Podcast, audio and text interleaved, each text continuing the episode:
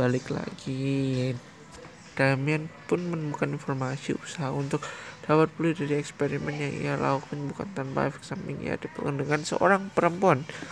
Yang akhirnya melihat dirinya serupa dengan pasangan si perempuan yang sudah lama tiada. Persembahan tersebut nyatanya membuat Damien merasa bersalah. Ya seperti mengambil nyawa orang lain tanpa sepengetahuannya. Ryan Reynolds dikisahkan menjadi tokoh yang diperankan oleh Rizky dalam film ini ya guys ya.